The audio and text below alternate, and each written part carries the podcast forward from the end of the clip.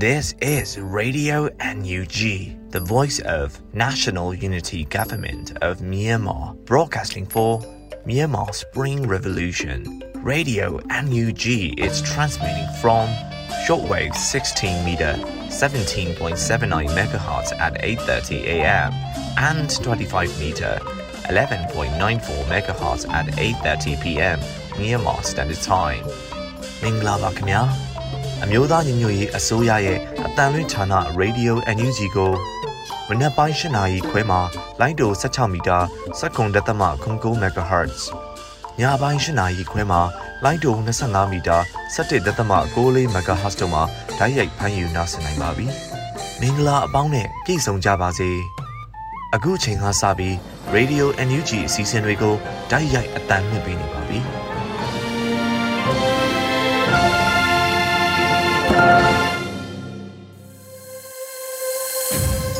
မြန်မာနိုင်ငံသူနိုင်ငံသားအပေါင်းတဘာဝပြီးဆရာနာရှင်ပြီးကနေကင်းဝေးပြီးကိုစိတ်နှစ်ပါးပြီးကင်းလုံးကြုံကြပါစေလို့ရေဒီယိုအန်ယူဂျီဖွယ်သားများကဆုတောင်းမြတ်တာပို့သလိုက်ရပါတယ်ရှင်။အခုချိန်ကစပြီးစာဝေးဝင်ကြီးဌာနရဲ့စီးသတင်းကြီးချုပ်ကိုတော့နေဦးမြို့မှာဖတ်ကြားတင်ပြပေးပါရမရှင်။မင်္ဂလာပါခင်ဗျာ။အမျိုးသားညီညွတ်ရေးအစိုးရကာကွယ်ရေးဝန်ကြီးဌာနမှထုတ်ဝေသောနေ့စဉ်စည်ရေးသတင်းအကျဉ်းချုပ်များကိုတင်ပြသွားပါမယ်။ မြန်မာတနိုင်ငံလုံးတိုင်းတာအနေနဲ့စစ်ကောင်စီတပ်သားသေဆုံး9ဦးစစ်ကောင်စီတပ်သားဒဏ်ရာရစုံစမ်းဆဲဖြစ်ပါတယ်ခင်ဗျာပထမဆုံးအနေနဲ့စစ်ကောင်စီနဲ့တိုက်ပွဲဖြစ်ပွားမှုများကိုတင်ပြသွားပါမယ်ကရင်နီကယားပြည်နယ်တွင်စက်တင်ဘာလ1ရက်နေ့ညနေ9နာရီခန့်ကဒီမော့ဆိုမြို့နယ်ခြေတော်ရဖျားနှင့်တဲတောင်ကြားရှိစစ်ကောင်စီများနေရာယူထားသောလက်ဝါးကတ်တိုင်တောင်နားတွင်စစ်ကောင်စီတပ်နှင့် KNDF B10 KNDF B15 ပူးပေါင်းတပ်များ3နာရီခွဲကြော်ကြာတိုက်ပွဲဖြစ်ပွားခဲ့ပြီးစစ်ကောင်စီဘက်မှထိခိုက်ကြဆုံးမှုများအားစုံစမ်းဆဲဖြစ်ကြောင်းသိရပါတယ်ခင်ဗျာ။စကိုင်းတိုင်းတွင်စက်တင်ဘာလ2ရက်နေ့နနက်ပိုင်းကမြင်းမှုမြို့နယ်ပြူစောတိအဖွဲ့ဝင်များကိုຫນွေဦးတကုံ PDF အဖွဲ့မှဝင်ရောက်ပစ်ခတ်ခဲ့ရာပြူစောတိ3ဦးသေဆုံးခဲ့ပြီးတအူးလွတ်မြောက်က လက်လုံတနက်နဲ့ဆက်ဆက်ပစ္စည်းများတင်ဆက်ရမိခဲ့ကြောင်းသိရပါတယ်ခင်ဗျာစက်တင်ဘာလ2ရက်နေ့နေ့လယ်12:30မိနစ်ခန့်ကမြောင်မြို့နယ်မြစ်တာရွာသို့ကင်းလှည့်ထွက်လာသော PDF ရဲဘော်2ဦးနှင့်ရွာထဲတွင်ရောက်ရှိနေသောစစ်ကောင်စီတပ်သားများကြားထိတွေ့တိုက်ပွဲဖြစ်ပွားခဲ့ကစစ်ကောင်စီတပ်သား2ဦးသေဆုံးပြီး PDF ရဲဘော်2ဦးကြဆုံးက2ဦးဒဏ်ရာရရှိခဲ့ပါတယ်ခင်ဗျာ ဆက်လက်ပြီးစစ်ကောင်စီကျွလွန်သောရာဇဝတ်မှုများကိုတင်ပြသွားပါမယ်။စကိုင်းတိုင်းတွင်စက်တင်ဘာလ2ရက်နေ့နံနက်ပိုင်းကကဏီမြို့နယ်အုံးပင်စိတ်ကျေးရွာအနီးတွင်စစ်ကောင်စီတပ်သားများမှဖမ်းဆီးရိုက်နှက်တပ်ဖြတ်သွားသည့်ပြည်သူနှစ်ဦးရုပ်လောင်းကို တွေ့ရှိခဲ့ရပါတယ်ခင်ဗျာ။ကျွန်တော်ຫນွေဦးမို့ပါ။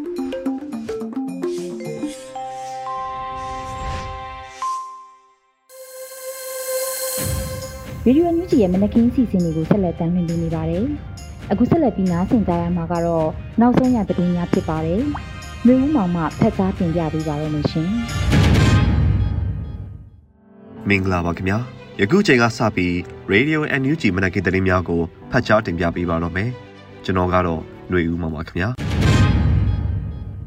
ရန်ကုန်နဲ့မန္တလေးမြို့တော်စီမင်းတရားရေးကော်မတီဌာနပေါင်းစုံ၏ဒုတိယညွှန်ကြားရေးမှူးချုပ်မှဦးစီးအရာရှိအဆင့်အထိ non CDN ဝန်ထမ်းများအားလုံးအားအမည်ပြတ်စည်ရင်သွင်း၍ဝန်ထမ်းအဖြစ်မှထုတ်ပယ်ခဲ့တဲ့တဲ့တင်ကိုတင်ဆက်ပေးပါမယ်။ရန်ကုန်နဲ့မန္တလေးမြို့တော်စီပင်တရားရေးကော်မတီဌာနပေါင်းစုံ၏ဒုတိယညွှန်ကြားရေးမှူးချုပ်မှဦးစီးအရာရှိအဆင့်ထိ non CDM ဝန်ထမ်းများအားလုံးအားအမည်ပြတ်စည်ရင်သွင်း၍ဝန်ထမ်းအဖြစ်မှထုတ်ပယ်လိုက်ပါတယ်။စက်တင်ဘာလ2ရက်နေ့မှာပြည်ထောင်စုဝန်ကြီးချုပ်မန်းဝင်းခိုင်တန်းအမိန့်နဲ့ထုတ်ပယ်လိုက်တာဖြစ်ပါတယ်။ပြည်ထောင်စုသမ္မတမြန်မာနိုင်ငံတော်အမျိုးသားညီညွတ်ရေးအစိုးရသည် နိုင်ငံဝန်ထမ်းများအနေဖြင့်အကြမ်းဖက်စစ်ကောင်စီ၏လက်အောက်တွင်ဆက်လက်တာဝန်ထမ်းဆောင်ခြင်းမပြုဘဲဓမ္မဘက်မှရက်တည်၍ပြည်သူနှင့်သားတဲ့ဖြစ်စေရန်နှင့်အမိတ်အာဏာဖီဆန်ရေးလှုပ်ရှားမှုစီရီယံတွင်ပါဝင်ကြစေရန်အကြိမ်ကြိမ်ဖိတ်ခေါ်ကမ်းလှမ်းခဲ့ပြီးဖြစ်ပါတယ်။အမျိုးသားညီညွတ်ရေးအစိုးရပြည်ထောင်စုဝန်ကြီးချုပ်ရုံးအနေဖြင့်လည်း2021ခုနှစ်အောက်တိုဘာလမှစ၍အမိတ်အာဏာဖီဆန်ရေးလှုပ်ရှားမှုစီရီယံတွင်ပါဝင်ခဲ့ကြပြီးဝန်ကြီးဌာနမဖွဲ့စည်းရသေးသောဌာနအသီးသီးမှ နိုင်ငံဝန်ထမ်းသူရဲကောင်းများ၏လူမှုဖူလုံရေးဘေးကင်းလုံခြုံရေးနဲ့ဖိအားကင်းစင်ရေးတို့အတွက်အလေးထားဆောင်ရွက်လျက်ရှိပါတယ်သို့ဖြစ်ပါ၍တရားမဝင်အာဏာသိမ်းစစ်ကောင်စီလက်အောက်တွင်ဆက်လက်တာဝန်ထမ်းဆောင်နေသောရန်ကုန်နှင့်မန္တလေးမြို့တော်စီပင်တရားရေးကော်မတီဌာနပေါင်းစုံ၏ဒုတိယညွှန်ကြားရေးမှူးချုပ်မှဦးစီးအရာရှိအဆင့်ထိနန် CDN ဝန်ထမ်းများသည်ကကြီးမြို့နေပြည်သူများအပေါ်တစ္ဆာစောင့်သိမှုမရှိဘဲစစ်ကောင်စီအလို့ကျတာဝန်ထမ်းဆောင်နေခြင်းခကွေ စစ်ကောင်စီတပ်ဖွဲ့ဝင်များလုံခြုံရေးအတွက်ပြည်သူ့ဗန္ဒာငွေဖြစ်သည့်စီပင်ဘတ်ဂျက်များဖြင့်လုံခြုံရေးဘဏ်ကာအဆောက်အဦများအခိုင်အမာတည်ဆောက်ပေးခြင်းကငယ်စက်ကောင်စီအားစန့်ကျင်သည့်ပြည်သူများအားအလွဲတကူဖမ်းဆီးနှိပ်စက်တပ်ဖြတ်နိုင်ရန်အတွက် CCTV များအားရခိုင်ကထက်အစစ်မြင့်တင်ကတက်ဆင်ပြီးစက်ကောင်စီအလိုကျဆောင်ရွက်ပေးနေခြင်း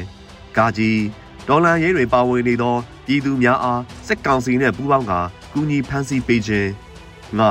စက်ကောင်စီမှကော်မတီရှိနန်စီဒီယန်ဝန်ထမ်းများအားယာရုတဆင့်တိုးပေး၍ခိုင်းစေခြင်းများကိုလိုလားချိန်နဲ့စွာရယူပြီးပြည်သူမျက်နှာမကြည့်ပဲတက်ကြွစွာတာဝန်ထမ်းဆောင်နေခြင်းစလုံးတိုင်းပြည်အဘဘမရိုးရင်းပျက်စီးနေသည်ကိုသိပါတော့လဲ၎င်းတို့၏အကျိုးစီးပွားအတွက်အခွင့်ကောင်းယူကာပြည်သူဗန္ဒာဝင်များကိုတုံ့ဖြုံနေခြင်းစလိန်စီမင်းသားရမြေလွတ်မြေရိုင်းများအားစက်ကောင်စီနှင့်ပူးပေါင်းကာအလွဲသုံးစားပြုလုပ်၍ရောင်းချနေခြင်းဇာကွယ် ပြည်သူများဆင်းရဲဒုက္ခရောက်နေချိန်တွင်ပြည်သူကိုတစ္ဆာဖောက်၍အကြမ်းဖက်စစ်ကောင်စီအားတစ္ဆာခံကာအခွန်အခများတင်းကျပ်စွာကောက်ခံနေခြင်းစားမြင်စွဲပြည်သူတစ္ဆာခံ CDN ဝန်ထမ်းများအားဖိနှိပ်ချင်းချောက်ဖမ်းဆီးခြင်းများကိုစက်ကောင်စီနှင့်ပူးပေါင်းကာကျူးလွန်နေခြင်းညရန်ကုန်တိုင်းနဲ့မန္တလေးတိုင်းတို့တွင်စစ်ကောင်စီဝင်များခေါင်းထောင်နေသည့်အ धिक အချက်မှာမြို့တော်စီပင်ဝန်ထမ်းများကစစ်ကောင်စီနှင့်ပူးပေါင်းဆောင်ရွက်နေခြင်းများကြောင့်ဖြစ်ခြင်းစသည့်အမျိုးမျိုးသောဖိနှိပ်မှုများကို ကျူးလွန်နေသောကြောင့်အဆိုပါရန်ကုန်နှင့်မန္တလေးမြို့တော်စီပင်တရားရေးကော်မတီဌာနပေါင်းစုံ၏ဒုတိယညွှန်ကြားရေးမှူးချုပ်မှဦးစီးအရာရှိအဆင့်ထိနန်စီရီယန်ဝန်ထမ်းများအားလုံးအားအမည်ပြစရင်တွဲလိုက်ပြီးဝန်ထမ်းအဖြစ်မှထုတ်ပစ် dismiss လိုက်တယ်လို့ဝန်ကြီးချုပ်အမိန့်နဲ့ကြေညာဖော်ပြခဲ့ပါပြီခင်ဗျာဆက်လက်ပြီးကုလသမဂ္ဂရဲ့မြန်မာတန်အမတ်ကြီးအဖြစ်ဦးကျော်မိုးထွန်းကိုဆက်လက်ခံထားရေး ပြည်သူအတန်ညီးကြဖို့ပြည်ထောင်စုဝန်ကြီးဒေါက်တာဝင်းမြတ်အေးကတိုက်တွန်းခဲ့တဲ့သတင်းကိုတင်ဆက်ပေးပါမယ်။ကုလသမဂ္ဂရဲ့မြန်မာတန်အမတ်ကြီးအဖြစ်ဦးကျော်မိုးထွန်းကိုဆက်လက်ခံထားရေးပြည်သူအတန်ညီးကြဖို့ပြည်ထောင်စုဝန်ကြီးဒေါက်တာဝင်းမြတ်အေးကတိုက်တွန်းပြောကြားခဲ့ပါတယ်။စက်တင်ဘာ၂ရက်နေ့မှာပြည်ထောင်စုဝန်ကြီးဒေါက်တာဝင်းမြတ်အေးကလူမှုကွန်ရက်မှာရေးသားပြောပြပါတယ်။မြန်မာပြည်သူများ၏တရားမျှတမှုပြန်လည်ရရှိရေးကဘာကြီးကဆုံးဖြတ်ပေးဖို့ပြည်သူအတန်ညီးကြစို့ ပြည်သူအစိုးရနဲ့ပြည်သူတန်အမတ်ကိုလက်ခံပါအာဏာရှင်ကိုညှဉ်းဆန်ပါလို့ဆိုထားပါတယ်။ကုလသမဂ္ဂရဲ့89ကြိမ်မြောက်အထွေထွေညီလာခံကိုစက်တင်ဘာ23ရက်မွန်းလွဲပိုင်းမှာစတင်ကျင်းပက၎င်းနေ့မှာပဲမြန်မာနိုင်ငံကိုစားပြုတန်အမတ်ကြီးနေရာကိုရွေးချယ်အတည်ပြုမှာဖြစ်ပါတယ်ခင်ဗျာ။ဆက်လက်ပြီးကာကွယ်ရေးဝန်ကြီးဌာနကပြည်သူ့ကာကွယ်ရေးတပ်ဖွဲ့တွေကိုလက်နက်မထောက်ပံ့တာမဟုတ်ပဲမလောက်သေးတာပဲရှိတယ်လို့ ပြည်ထောင်စုဝန်ကြီးဒေါက်တာတူးခေါင်ဆိုခဲ့တဲ့သတင်းကိုတင်ဆက်ပေးပါမယ်။ကာကွယ်ရေးဝန်ကြီးဌာနကပြည်သူ့ကာကွယ်ရေးတပ်ဖွဲ့တွေကိုလက်နက်မထောက်ပံ့တာမဟုတ်ပဲမလောက်သေးတာပဲရှိတယ်လို့ပြည်ထောင်စုဝန်ကြီးဒေါက်တာတူးခေါင်ကဆိုလိုက်ပါတယ်။စက်တင်ဘာ၂ရက်လူမှုကွန်ရက်မှာတယံဇာတာနဲ့တဘာဝပတ်ဝန်းကျင်ထိန်းသိမ်းရေးဝန်ကြီးဒေါက်တာတူးခေါင်ကရေးသားပြောဆိုခဲ့ပါတယ်။ဒေါ်လန်ရေးကခဏလေးနဲ့မပြီးနိုင်ဘူးဆိုတာတွက်ဆခြင်းဟာမနိုင်တော့ဘူးလို့တွေးနေခြင်းမဟုတ်ခုထိကျွန်တော်တို့လုံနိုင်လာတာတွေတွက်ကြည့်ရင်တိုးလာတာပဲရှိတယ် သူတို့ဘက်ကတော့ဆုတ်ယုတ်လာတာအများကြီးပါကျွန်တော်တို့ဘက်ကအစပိုင်းမှာခင်မီလက်နက်တစ်ခုမှမရှိဘူးအခုအတော်အသင့်ရှိလာပြီ MOD NUG ကလက်နက်မထောက်ပံ့တာမဟုတ်ဘူးမလောက်သေးတာပဲရှိတာပုံမှန်တော့သွားနေတာပဲစီရေးမဟာဗျူဟာအတွက် ERO တွေနဲ့ပေါင်းလုပ်နေတဲ့အပိုင်းတွေပုံမှန်အလုပ်လုပ်နေပြီးခဏလေးစပိုင်းမှာထိချုံနေမြေမရှိဘူးအခုပအဖပလာဖပကဖတွေစနစ်တကျနဲ့အုပ်ချုပ်နေတဲ့နေရာတွေတိုးလာနေပြီ အစကဘန်နာရေးစီမံခန့်ခွဲတဲ့စနစ်တွေမရှိခဲ့ဘူးအခု NUG ပေးလို့စနစ်တကျနဲ့ငွေကြေးစီးဆင်းမှုစနစ်တွေထူထောင်လာနိုင်ပြီလို့ဆိုပါတယ်လက်ရှိမှာကာကွယ်ရေးဝန်ကြီးဌာနဟာပြည်သူတပ်ရင်းတပ်ဖွဲ့ပေါင်း250ကိုမှတ်ပုံတင်ပေးပြီးဖြစ်ကလက်နက်တပ်ဆင်ရေးနဲ့အမိတ်ပေးကုတ်ကဲရေးစနစ်ကိုထူထောင်လှုပ်ဆောင်နေပါတယ်ခင်ဗျာဆက်လက်ပြီးဒေါ်အောင်ဆန်းစုကြည်ရဲ့သားငယ်ကိုထိန်နှင်းတစ်ထွင်းပကြီးစံရီ project ကန်ဆယ်မဲ့လက်မှတ်1500သာကျန်ရှိတော့တဲ့တဲ့တင်ကိုတင်ဆက်ပေးပါမယ်။ စက်တင်ဘာ2ရက်နေ့တွင်ဒေါ်အောင်ဆန်းစုကြည်ရဲ့သားငယ်ကိုထိန်နှင်းတစ်ထွင်းပကြီးစံရီ project ကန်ဆယ်မဲ့လက်မှတ်1500သာကျန်ရှိတော့တယ်လို့သတင်းရရှိပါတယ်။စက်တင်ဘာ2ရက်နေ့မှာဒေါ်လာရင်းရန်ပုံငွေရှာဖွေသူမတ်ပန်ဆယ်လိုကအဆိုထားပါတယ်။လွန်ခဲ့တဲ့နှစ်ပေါင်း30ကအမေတော်အောင်ဆန်းစုကြည်ရဲ့ Nobel ဆုကနေရရှိခဲ့တဲ့စုကြေးဒေါ်လာ1.3သန်းကိုမြန်မာပြည်အတွက်လှူဒန်းခဲ့ပါတယ်။နှစ်ပေါင်း30အကြာယနေ့အချိန်မြန်မာပြည်စစ်အာဏာယူတွေလက်အောက်အတိဒုက္ခရောက်နေချိန်မှာကူညီဖို့ တားဖြစ်သူကိုထိန်လင်းရဲ့စံရီ project မှာတစ်သက်သမ3သန်းရှာဖွေနိုင်မှုလက်မှတ်ပေါင်း1500တာလိုပါတော့တယ်လို့ဆိုထားပါတယ်။ကဆမ်းမဲလက်မှတ်အများဆုံးဝယ်ယူတဲ့နိုင်ငံမှာစင်ကာပူနိုင်ငံဖြစ်ပြီးတော့ဒုတိယအများဆုံးမှာ US နဲ့ UK နိုင်ငံလို့ဖြစ်တယ်လို့ဆိုပါတယ်။မဲလက်မှတ်ရောင်းချရငွေအားလုံးကိုမတရားမှုကိုတော်လှန်ဖို့နဲ့ဘေးဒဏ်သင့်ပြည်သူတွေအတွက်အပြည့်အဝပြန်လည်လူရန်သွားမှာဖြစ်ပါတယ်။ ဆိုင်ရီအမည်ရှိတက်ထွေးမကြီးရဲ့ကန်ထူးသူကိုကိုထိန်လင်းကိုတိုင် live နဲ့မဲနိုင်ပေးသွားမှာဖြစ်ပါတယ်ခင်ဗျာ။ဆက်လက်ပြီးလူမှုရေးပြည်တံ social punishment အစိုးရရုံးလေးကိုချမှတ်ကြောင်းရေပွဲလူငယ်အဖွဲ့ကကြေညာခဲ့တဲ့သတင်းကိုတင်ဆက်ပေးပါမယ်။စက်တင်ဘာ၂ရက်နေ့တွင်လူမှုရေးပြည်တံ social punishment အစိုးရရုံးလေးကိုချမှတ်ကြောင်းရေပွဲလူငယ်အဖွဲ့ကကြေညာပါတယ်။စက်တင်ဘာလအတွင်းမှာရေပွဲပြည်သူအကျိုးပြုလူငယ်အဖွဲ့အစည်းကဆိုပါတယ်။ရုံလေးဟာ ပြည်သူလူထုအားလုံးသိရှိပြီးဖြစ်တဲ့အတိုင်းအာဏာမသိမ်းမီကာလကငါတို့အားလုံးရဲ့မြေအကြမ်းဖက်စစ်တပ်ဝါဒဖြန့်ချီရေးနမိတ်ပုံပြသခြင်းကိုတင်ဆက်ခဲ့တဲ့အပြင်ယခုအကြမ်းဖက်စစ်တပ် lobby ရွှေယူပါဦးလို့နဲ့ရခင်ကပင်တွဲဖက်၍လှုပ်ရှားမှုများလည်းပြုလုပ်ခဲ့ပူပါတယ်။ထို့အပြင်2021ခုနှစ်2022တက်တွင်းတကြံပွဲများတွင်လည်းအားရပါရရောပြေအားပေးခဲ့ပါတယ်လို့ဆိုပါတယ်။မြမပြည် hip hop လောကရဲ့ပထမမျိုးဆက်ကိုစတင်ခဲ့သော acid အဖွဲ့ဝင် nitric acid ခေါ်ကိုဖြိုးစေရသောထောင်တွင်းလူတက်မှုကျူးလွန်ခံခဲ့ရသောအခါတွင်လည်းနှုတ်ဆက်နေခဲ့သလို hip hop အမှုပညာရှင်အတတ်ပညာရှင်အတိုင်းဝိုင်းနဲ့ရုပ်ရှင်အမှုပညာလောကတွင်လည်းပေါင်းမဝင်သော လူဘာလာဖြစ်တယ်လို့ရေပွဲကဖော်ပြပါတယ်ခင်ဗျာဆက်လက်ပြီး၃မိုင်အကွာအဝေးထိပြစ်ခတ်လို့ရတဲ့120မောင်းမများနေပြီးတော့ပကပကထုတ်လုပ်အောင်မြင်၍လိုအပ်နေတဲ့ဒေါ်လာရေးအင်အားစုတွေစီပို့ပေးမိဖြစ်တဲ့အကြောင်းတင်ဆက်ပေးပါမယ်။ သုံးမိုင်အကွာအဝေးအထိပြစ်ခတ်လို့ရတဲ့120မောင်းမများနေပြည်တော်ပကဖထုတ်လုပ်ရေးအောင်မြင်၍လိုအပ်နေတဲ့ဒေါ်လာရေးအင်အားစုတွေစီပို့ပေးမယ်လို့တင်ရရှိပါတယ်။စက်တင်ဘာ၂ရက်နေ့မှာနေပြည်တော်ပကဖစစ်ရေးတာဝန်ခံဗိုလ်ဒေသကအသိပေးဆိုထားပါတယ်။သုံးမိုင်ကွာဝေးအထိပြစ်လို့ရတဲ့120မမအောင်မြင်စွာထုတ်လုပ်နိုင်ပြီးလိုအပ်နေတဲ့ဒေါ်လာရင်းအင်အားစုများစီတို့ပို့ပေးမှာဖြစ်ပါတယ်လို့ဆိုပါတယ်။ဇွန်လလအတွင်းကလည်းရုရှားထုတ်ဟောင်ဝစ်ဇာပုံစံ81မမတပြောင်းနဲ့နှစ်ပြောင်းတွဲလက်နက်ကြီးများကို ထုတ်လုပ်ကုန်ကြမှုစရိတ်အနည်းဆုံးအဖြစ်ကျပ်6000မှ3သိန်းကျော်သာကုန်ကြမှုနဲ့ထုတ်လုပ်ခဲ့ပါသေးတယ်ခင်ဗျာ။ဆက်လက်ပြီးပေါင်မြို့နယ်မှာအသက်9နှစ်အရွယ်သမီးလေးမှစုထားတဲ့မဘိုးငွေများမြိုင်ပခါဖသို့အကြည်ဘိုးလူလန်းခဲ့တဲ့တဲ့တင်ကိုတင်ဆက်ပေးပါမယ်။ပေါင်မြို့နယ်မှာအသက်9နှစ်အရွယ်သမီးလေးမှစုထားတဲ့မုတ်ဖုံးငွေများမိုင်ပခါဖသို့ကြည်ဘိုးလူလန်းခဲ့တယ်လို့သတင်းရရှိပါတယ်။စက်တင်ဘာ၂ရက်နေ့မှာမြိုင်ပြည်သူ့ကာကွယ်ရေးတပ်ဖွဲ့ကအသိပေးဆိုပါတယ်။ ဒီမြို့နယ်မှာအသက်9နှစ်အရွယ်သမီးလေးမှမြိုင်ပခါဖသို့သူမဆုတ်ထားသောမုတ်ဖုံးများလူလန်းသွားပါတယ်။အရန်တိတက်တဲ့ပြည်သူတွေတော်တော်များများပါဝင်နေမှတော့ဒီပွဲမနိုင်စရာမရှိတော့ပါဘူးဗျာလို့မြိုင်ပခဖကဆိုပါတယ်အဆိုပါသမီးငယ်လေးလူဒန်းမှုအားမုတ်ဖိုးအသုံးပြုရန်မြိုင်ပခဖကဆိုခဲ့တော်လဲသမီးငယ်လေးမှစိတ်အားထက်သန်ကကြည်ဘိုးအဖြစ်အလူခံယူရန်ပြောဆိုခဲ့ပြီးအချမ်းဖက်စစ်တပ်များရန်မှပြန်တက်နိုင်မယ်လို့ဆိုခဲ့ကြောင်းသတင်းရရှိပါတယ်ခင်ဗျာ ယခုဆက်လက်ပြီးတင်ဆက်ပေးမယ့်သတင်းကတော့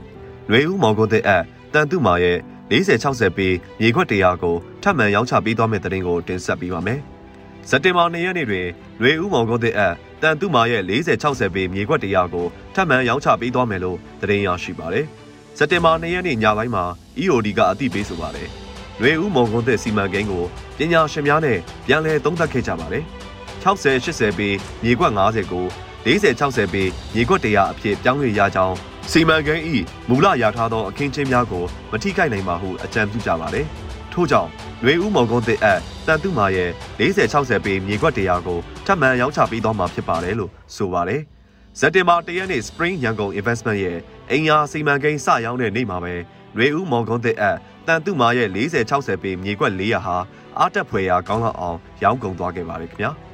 ရွေဦးမောင်ကုန်းတဲ့40 60ပေမြေကွက်များကိုဝယ်ယူရန်စရင်ပေးထားသည့်ပြည်သူများစွာရှိနေသေးတယ်လို့အယောင်ကိုယ်စားလှယ်များထံမှသိရှိရပါတယ်။ရွေဦးမောင်ကုန်းတဲ့အတန်တုမှာပေ60 80အကွက်150ရွေဦးမောင်ကုန်းတဲ့အတန်တုမှာပေ40 60အကွက်900အဖြစ်ပြောင်းလဲသွားမှာဖြစ်ပါတယ်။စီမံကိန်းရထားချက်အားနောက်ထပ်တစ်ကြိမ်ပြောင်းလဲရန်မရှိတော့ကြောင်းနဲ့အယောင်ကိုယ်စားလှယ်များကိုဆက်သွယ်ထားကြဖို့အသိပေးလိုက်ပါတယ်လို့ဖော်ပြပါတယ်။ယခုဆက်လက်ပြီးနောက်ဆုံးသတင်းအနေနဲ့ Project Skywalk မှာ Click to Donate အနေနဲ့ Clicker တွေရဲ့အင်အားကို3220အားဖြည့်ထားတယ်လို့အသိပေးခဲ့တဲ့သတင်းကိုတင်ဆက်ပေးပါမယ်။စက်တင်ဘာ၂ရက်နေ့တွင် Project Skyward မှာ Click to Donate အနေနဲ့ Clicker တွေရဲ့အင်အားကို3220အားဖြည့်ထားတယ်လို့အသိပေးဆိုပါတယ်။စက်တင်ဘာ၂ရက်နေ့မှာ Click to Donate ကအသိပေးဖော်ပြပါတယ်။ကျွန်တော်တို့လာတိုင်းလိုလို drone အဖွဲ့တွေကိုပို့ပေးနေတာအားလုံးလည်းသိမှာပါ။ drone mission တွေဟာစစ်ပွဲကိုအရန်အထောက်အကူပြုတယ်ဆိုတာအားလုံးလည်းသိပြီးဖြစ်ပါတယ်။ အရှိန်မြင့်လာမဲ့တိုက်ပွဲတွေအတွက်တစ်ဖက်မှာကအရင်ကပြည်သူဗန္ဒာနဲ့ဝယ်ထားတဲ့လေရင်တွေရှိသလိုကျွန်တော်တို့မှာလည်းပြည်သူတွေရဲ့ခွန်အားနဲ့ PDF တွေရဲ့ညာနာအားဖြစ်တဲ့ drone တပ်ဖွဲ့တွေရှိနေပါတယ်။မစုံမပို့လေးဝုန်းနေတာတော့ခေါင်းမော် drone ပြန်လာရင်ကြောက်နေရတဲ့ကောင်းလေးကို share plan တွေနဲ့အဝကျွေးဖို့ Project Skyward စတင်နေပါပြီ။ Project Skyward မှာ click to donate အနေနဲ့ clicker တွေရဲ့အင်အားကို320အားဖြည့်ထားပါတယ်ခင်ဗျာလို့ဆိုပါတယ်။လက်ရှိမှာ Project Skyward နဲ့ချိတ်ဆက်လှုပ်ဆောင်ရရှိတဲ့ drone အဖွဲ့များမှာ Force for Federal Democracy, Falcon Winds, People Force, ABCD, Butterfly, Golden Eagle, Mandalay PDF အပြင်တိုင်းနယ်ပြည်နယ်အလိုက်အခြား drone team များလည်းပါဝင်ပါတယ်။ကာကွယ်ရေးဝန်ကြီးဌာနရဲ့ Project Skyward ဟာမြန်မာနိုင်ငံတော်မှာရှိနေတဲ့ drone အဖွဲ့တွေကိုချိတ်ဆက်ပြီးစနစ်ကျတဲ့ chain of command တစ်ခုအောက်မှာအားလုံးပူးပေါင်းဆောင်ရွက်သွားဖို့ကိုဒီ project ကဥတီရည်ရွယ်ဆောင်ရွက်တယ်လို့သတင်းရရှိပါတယ်။ ယခုတင်ပြပေးခဲ့တဲ့သတင်းတွေကို Radio NUG သတင်းတောင်မင်းမင်းကပေးပို့ထားတာဖြစ်ပါတယ်ခင်ဗျာ။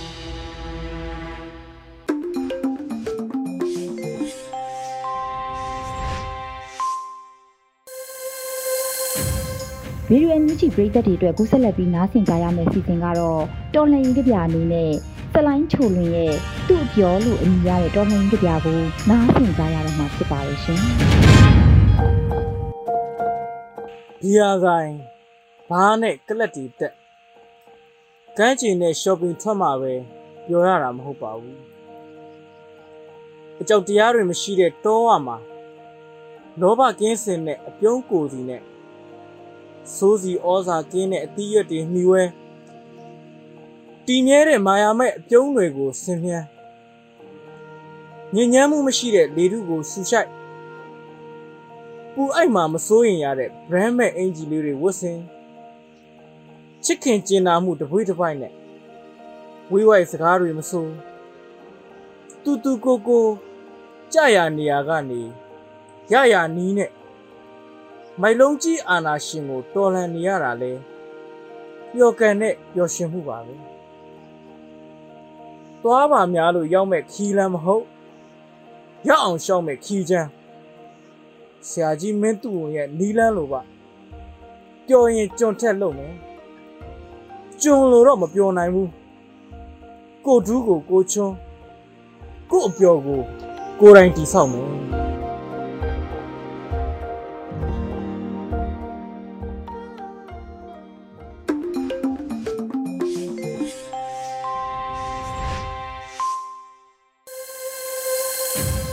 ဗီဒီယိုအန်ယူဂျီမှာဆက်လက်တင်ပြနေပါတယ်။အခုဆက်လက်ပြီးပြည်သူခုခံစစ်တရင်များကိုမင်းနိုင်နေဦးမှဖတ်ကြားတင်ပြပေးပါရမရှင်ပထမဦးစွာမလိုင်မြို့နယ်တွင်စစ်ကောင်စီတပ်ဖွဲ့ကိုနထိုးကြီး PDF ကလက်နက်ကြီးဖြင့်ပစ်ခတ်တိုက်ခိုက်မှုစစ်သား3ဦးသေဆုံးတဲ့တဲ့တင်တင်ဆက်ပါမယ်။မန္တလေးတိုင်းမလိုင်မြို့နယ်တက္ကချင်းကြီးရွာတွင်တပ်ဆဲထားတဲ့အကြမ်းဖက်စစ်ကောင်စီတပ်ဖွဲ့ကိုဩဂတ်စ်လ31ရက်ညနေ6နာရီခန့်၌နထိုးကြီး PDF က လက်နက်ကြီးဖြင့်ပစ်ခတ်တိုက်ခိုက်ရာ3ဦးသေဆုံးပြီး4ဦးဒဏ်ရာရကြောင်းသတင်းရရှိပါတယ်။ဒဏ်ရာရတဲ့စစ်ကောင်စီတပ်ဖွဲ့ဝင်၄ဦးမှလည်းဒဏ်ရာပြင်းထန်သဖြင့်စစ်ရုံပို့ဆောင်ထားရကြောင်းနထိုးကြီး PDF ကဆိုပါတယ်။အဆိုပါအကြမ်းဖက်စစ်တပ်ဟာတက်ကချင်းကြီးရအုပ်ချုပ်မှုနေပေါင်းကပြည်သူများအပေါ်အကြိမ်ကြိမ်ချင်းချောက်အနိုင်ကျင့်နေသဖြင့်ဝင်ရောက်တိုက်ခတ်ခဲ့ခြင်းဖြစ်ကြောင်းနထိုးကြီး PDF ကသတင်းထုတ်ပြန်ထားပါတယ်။ဆက်လက်ပြီး KNY တွင်ဩဂတ်စ်လအတွင်းတိုက်ပွဲ46ပွဲဖြစ်ပွားပြီးစစ်သား40သေဆုံးတဲ့သတင်းတင်ဆက်ပါမယ်။ KNY ပြည်နယ်တွင်ဩဂတ်စ်လအတွင်းတိုက်ပွဲ46ပွဲဖြစ်ပွားပြီးစစ်သား40သေဆုံးကစစ်ကောင်စီပစ်ခတ်မှုကြောင့်ပြည်သူ9ဦးသေဆုံးကြောင်းတပ်ဆိုင်ရာဒေသကာကွယ်ရေးတပ်ဖွဲ့များကတရားဝင်သတင်းထုတ်ပြန်ထားပါတယ်။ KNY ပြည်နယ်တွင်အကြမ်းဖက်စစ်ကောင်စီတပ်များနှင့် KNY ပူးပေါင်းတပ်ဖွဲ့များကြားဩဂတ်စ်လအတွင်းတိုက်ပွဲပေါင်း46ကြိမ်တက်မင်းဖြစ်ပွားခဲ့ပြီးစစ်သား40ဦးသေဆုံးက25ဦးဒဏ်ရာရကြောင်း စစ်ကောင်စီတပ်ဟာအများပြည်သူများနေထိုင်ရာကြေးရွာများအတွင်းသို့လေကြောင်းတိုက်ခိုက်မှုများပြုလုပ်ခဲ့သည့်အပြင်လက်နက်ကြီးဖြင့်ပစ်ခတ်မှုကြောင့်အပြစ်မဲ့ပြည်သူ9ဦးသေဆုံးခဲ့ကြောင်း KNY အမျိုးသားကာကွယ်ရေးတပ် KNDF ကသတင်းထုတ်ပြန်ထားပါပါ။တဝဲတွင်ကားဆက်စီးပါစစ်ကောင်စီရင်နှံကိုအမိကကြားဖြတ်တိုက်ခိုက်တဲ့သတင်းဆက်လက်တင်ဆက်ပါမယ်။တနင်္လာရီတိုင်းရင်းမြို့မှာဒဝဲမြို့ဘက်သို့ဥတီလာတဲ့စစ်ကားဆက်သီးပါစစ်ကောင်စီရင်နှံကိုဩဂတ်စ်လ31ရက်နနက်9:30မိနစ်ခန့်တွင်ပြစ်ခတ်တိုက်ခိုက်ခဲ့ကြောင်း ဒဝဲပြည်သူ့လူမျိုးရေးတပ်ဖွဲ့ PPNF ထံမှသိရပါတယ်။ကလျောင်မြို့အနီးကော့လိုင်ရွာနှင့်မဲရန်ချောင်းလာကြားတွင်ပြစ်ခတ်တိုက်ခိုက်ခဲ့ပြီးဒဝဲပြည်သူ့လူမျိုးရေးတပ်ဖွဲ့ PPNF ကံပေါက်ဒေသကာကွယ်ရေးတပ်ဖွဲ့ KPDF နှင့်မဟာမိတ်တပ်ဖွဲ့တို့ကပူးပေါင်းတိုက်ခိုက်ခဲ့ကြောင်းစစ်ကားများပေါ်တွင်လိုက်ပါလာတဲ့အကြမ်းဖက်စစ်ကောင်စီတပ်သားများသေဆုံးဒဏ်ရာရသူများနိုင်ပြီးအရေးအတွက်အတိအကျကိုအတိမပြုနိုင်သေးပါဘူး။ဒဝဲပြည်သူ့လူမျိုးရေးတပ်ဖွဲ့ PPIF နှင့်မဟာမိတ်တပ်ဖွဲ့များမှ ထိခိုက်မှုတစုံတရာမရှိဘဲဘေးကင်းစွာပြန်လည်ဆုတ်ခွာနိုင်ခဲ့ကြောင်းဒဝဲပြည်သူ့လူမျိုးရေးတပ်ဖွဲ့ PPIF မှတာဝန်ရှိသူကပြောပါတယ်။နောက်ဆုံးအနေနဲ့မကွေးတိုင်းတောင်ပိုင်း PDF တပ်ဖွဲ့များရဲ့အခြေစိုက်စခန်းကိုဝင်စီးတဲ့စစ်တပ်မိုင်းဆွဲခံရပြီးဆယ်ဦးသေဆုံးတဲ့တဲ့တင်ဆက်ပါမယ်။မကွေးတိုင်းတောင်ပိုင်းပြည်သူ့ကာကွယ်ရေးတပ်ဖွဲ့အထက်မင်းလပြည်သူ့ကာကွယ်ရေးတပ်ဖွဲ့နှင့်မဟာမိတ်တပ်ဖွဲ့များအခြေစိုက်စခန်းကို အကြမ်းဖက်စစ်တပ်ကဩဂတ်စ်လ30ရက်နေ့နနက်4:50မိနစ်တွင်ဝင်ရောက်စီးနင်းစဉ်မိုင်းဆွဲတိုက်ခတ်ခံရပြီးစစ်သား10ဦးသေဆုံးခဲ့ကြောင်းမကွေးတောင်ပိုင်းပြည်သူ့ကာကွယ်ရေးတပ်ဖွဲ့ထံမှသိရပါဗျ။ကာကွယ်ရေးတပ်ဖွဲ့များအခြေစိုက်စခန်းကိုအကြမ်းဖက်စစ်တပ်မှကပ္ပစနှင့်ကပ္ပစ10ကပ္ပစ73တမ88လောက်ခန့်ခလာရ83တက်နေထောက်ဖို့ကိုလေးကိုပူပေါင်းတပ်များမှ ပင်မစစ်ကြောင်းအင်အား100ပိတ်ဆို့စစ်ကြောင်း၄ကြောင်းခမန်းအင်အား200ခန့်ဖြင့်ထိုးစစ်ဆင်တိုက်ခတ်ခဲ့ခြင်းဖြစ်ကြောင်းသိရပါဗျ။အကြမ်းဖက်စစ်တပ်ထိုးစစ်ဆင်တိုက်ခတ်နေခြင်းတွင်ကာကွယ်ရေးတပ်ဖွဲ့များအနေဖြင့်ဒီစင်ချေအလုံးလောက်မရှိသောကြောင့်အလင်းငိုက်မိသည့်သဘောဖြစ်သည့်အတွက်စကတ်နှင့်လာလန်းချောင်းတချို့အားနင်းမိုင်းတိုက်မိုင်းများဖြင့်မိနစ်အနည်းငယ်အတွင်းတွင်မိုင်းစင်ကဆုတ်ခွာခဲ့ရကြောင်းသိရှိရပါတယ်ခင်ဗျာ။။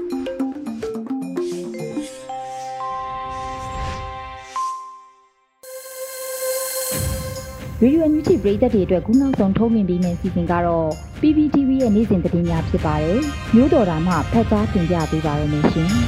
။ပထမဆုံးတင်ဆက်ပေးမယ့်သတင်းကတော့ပြည်သူ့ကာကွယ်ရေးတပ် PTF ကိုအကြမ်းဖက်စစ်ကောင်စီကဘလို့နီးနဲ့မှချိန်မုံလို့ရတော့မှာမဟုတ်ဘူးလို့ကာကွယ်ရေးဝန်ကြီးဦးရီမွန်ပြောကြားလိုက်တဲ့သတင်းမှာပြည်သူ့ကာကွယ်ရေးတပ် PTF တွေကိုအကြမ်းဖက်စစ်ကောင်စီက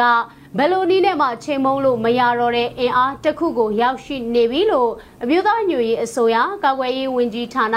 ပြည်ထောင်စုဝန်ကြီးဦးရီမွန်ကပြောကြားလိုက်ပါတယ်။ NUG ဘာလုံးနေလဲပြည်သူများနဲ့အမေးဖြေကဏ္ဍမှာကာကွယ်ရေးဝန်ကြီးဌာနပြည်ထောင်စုဝန်ကြီးဦးရီမွန်ကတော်လိုင်းရေးတစ်နှစ်တာကာလအတွင်းလှုပ်ဆောင်ခဲ့တဲ့အခြေအနေတွေနဲ့အနာဂတ်လှုပ်ဆောင်မှာတွေကိုပြောကြားလိုက်တာပါ အခုကျွန်တော်တို့တနေ့ပြည့်တဲ့အချိန်ပြန်ကြည့်မယ်ဆိုရင် PTF AR ရောမဟာမိတ် AR ရောကျွန်တော်တို့အားလုံးရဲ့ဘုံရန်သူဖြစ်တဲ့စစ်ကောင်စီကိုခုခံတွန်းလှန်ဖို့အတွက်အင်မတန်ခိုင်မာတဲ့အင်အားတစ်ခုရရှိပြီး PTF ဆိုတာဒီနေ့ဒီအချိန်စစ်ကောင်စီဘယ်လိုမှချိန်မုံလို့မရနိုင်တော့တဲ့အင်အားတစ်ခုအဖြစ်ပေါ်ပေါက်လာပြီးဆိုတာကလည်းဒီတနေ့ရဲ့ထူးခြားတဲ့ရလဒ်တစ်ခုဖြစ်တယ်လို့ကာကွယ်ရေးဝန်ကြီးဌာနပြည်ထောင်စုဝန်ကြီးဦးရီမွန်ကပြောကြားလိုက်တာပါ အမျိုးသားညွရေးအစိုးရအနေနဲ့ပြည်သူ့ကာကွယ်ရေးတပ် PTF ပေါ်ပေါက်လာရေးအတွက်လှုံ့ဆော်သလိုတစ်ဖက်မှာလည်းမဟာမိတ်တိုင်းရင်းသားလက်နက်ကိုင်အဖွဲ့တွေနဲ့နိုင်ငံရေးစစ်ရေးညှိနှိုင်းပူးပေါင်းဆောင်ရွက်နိုင်တဲ့အခင်းချင်းတိစောက်ခဲ့ရတယ်လို့လည်းထည့်သွင်းပြောကြားထားပါတယ်။ဒါပြင်လက်ရှိအခြေအနေစုဖွဲ့မှုက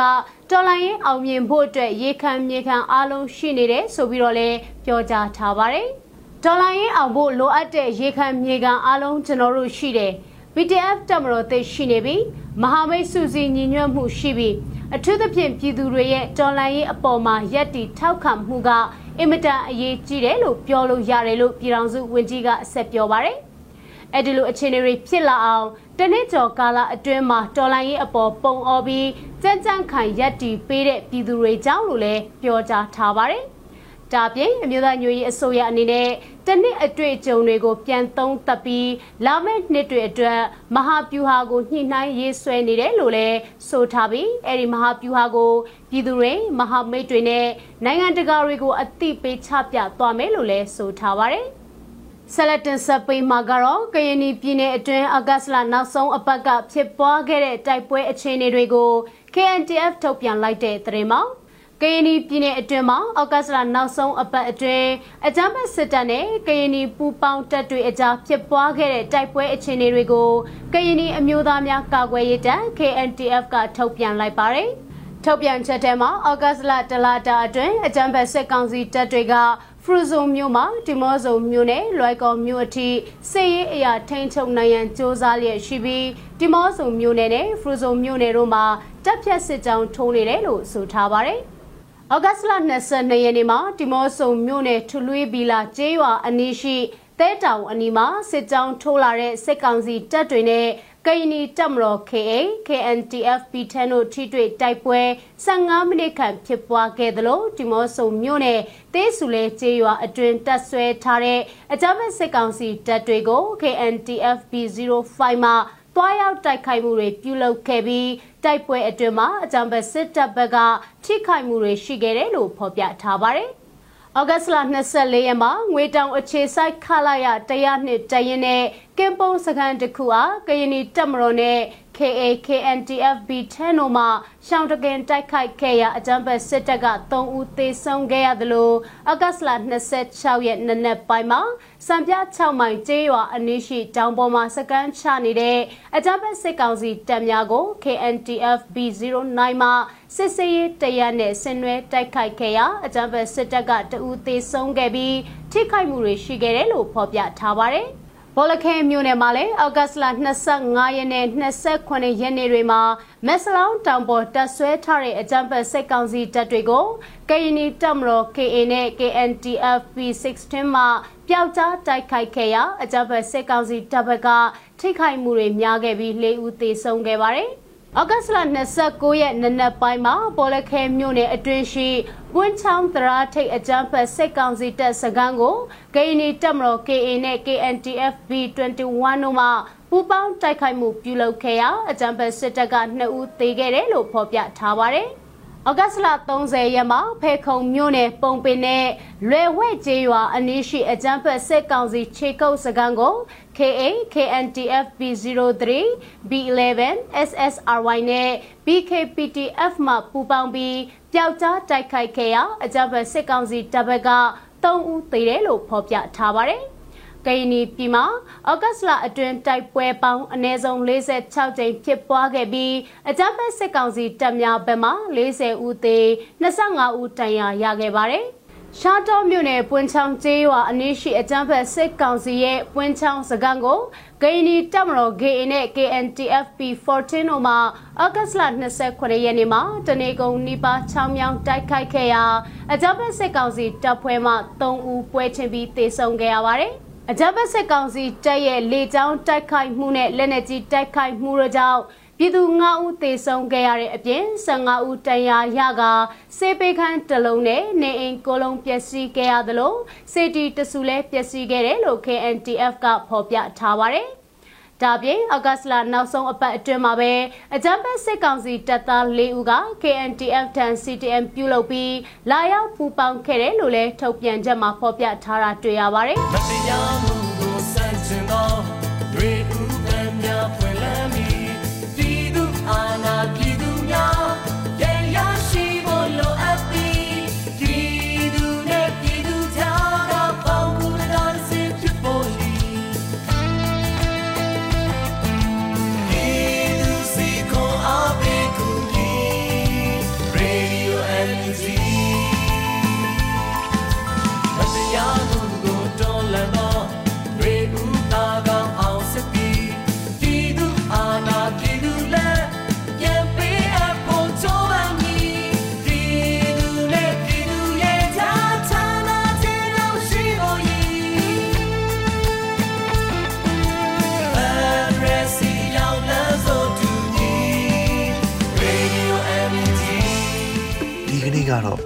ဒီညနေပဲ Radio NUG ရဲ့အစည်းအဝေးကိုခਿੱတရနာလိုက်ပါမယ်။မြန်မာစံတော်ချိန်မနက်၈နာရီခွဲနဲ့ည၈နာရီခွဲအချိန်တွေမှာပြန်လည်ဆုံးဖြတ်ကြပါစို့။ Radio NUG ကိုမနက်ပိုင်း၈နာရီခွဲမှာလိုင်းဒို16မီတာစက္ကန့်တသမ9 MHz ညပိုင်း၈နာရီခွဲမှာလိုင်းဒို25မီတာ17သမ6 MHz တို့မှာဓာတ်ရိုက်ဖမ်းယူနားဆင်နိုင်ပါပြီ။မြန်မာနိုင်ငံသူနိုင်ငံသားများကိုစိတ်နှပြကျန်းမာချမ်းသာလို့ဘေးကင်းလုံခြုံကြပါစေလို့ Radio NUG အဖွဲ့သူအဖွဲ့သားများကဆုတောင်းလိုက်ရပါတယ်။အမျိုးသားညီညွတ်ရေးအစိုးရရဲ့စက်သွေးရေးတရင်အချက်အလက်နဲ့ဤပညာဝန်ကြီးဌာနကထုတ်လွှင့်နေတဲ့ Radio NUG ဖြစ်ပါတယ်။ San Francisco Bay Area အခြေစိုက်မြန်မာမိသားစုများနဲ့နိုင်ငံတကာကစေတနာရှင်များလှုပ်အားပေးများရဲ့ Radio NUG ဖြစ်ပါတယ်။အရေးတော်ပုံအောင်ရမည်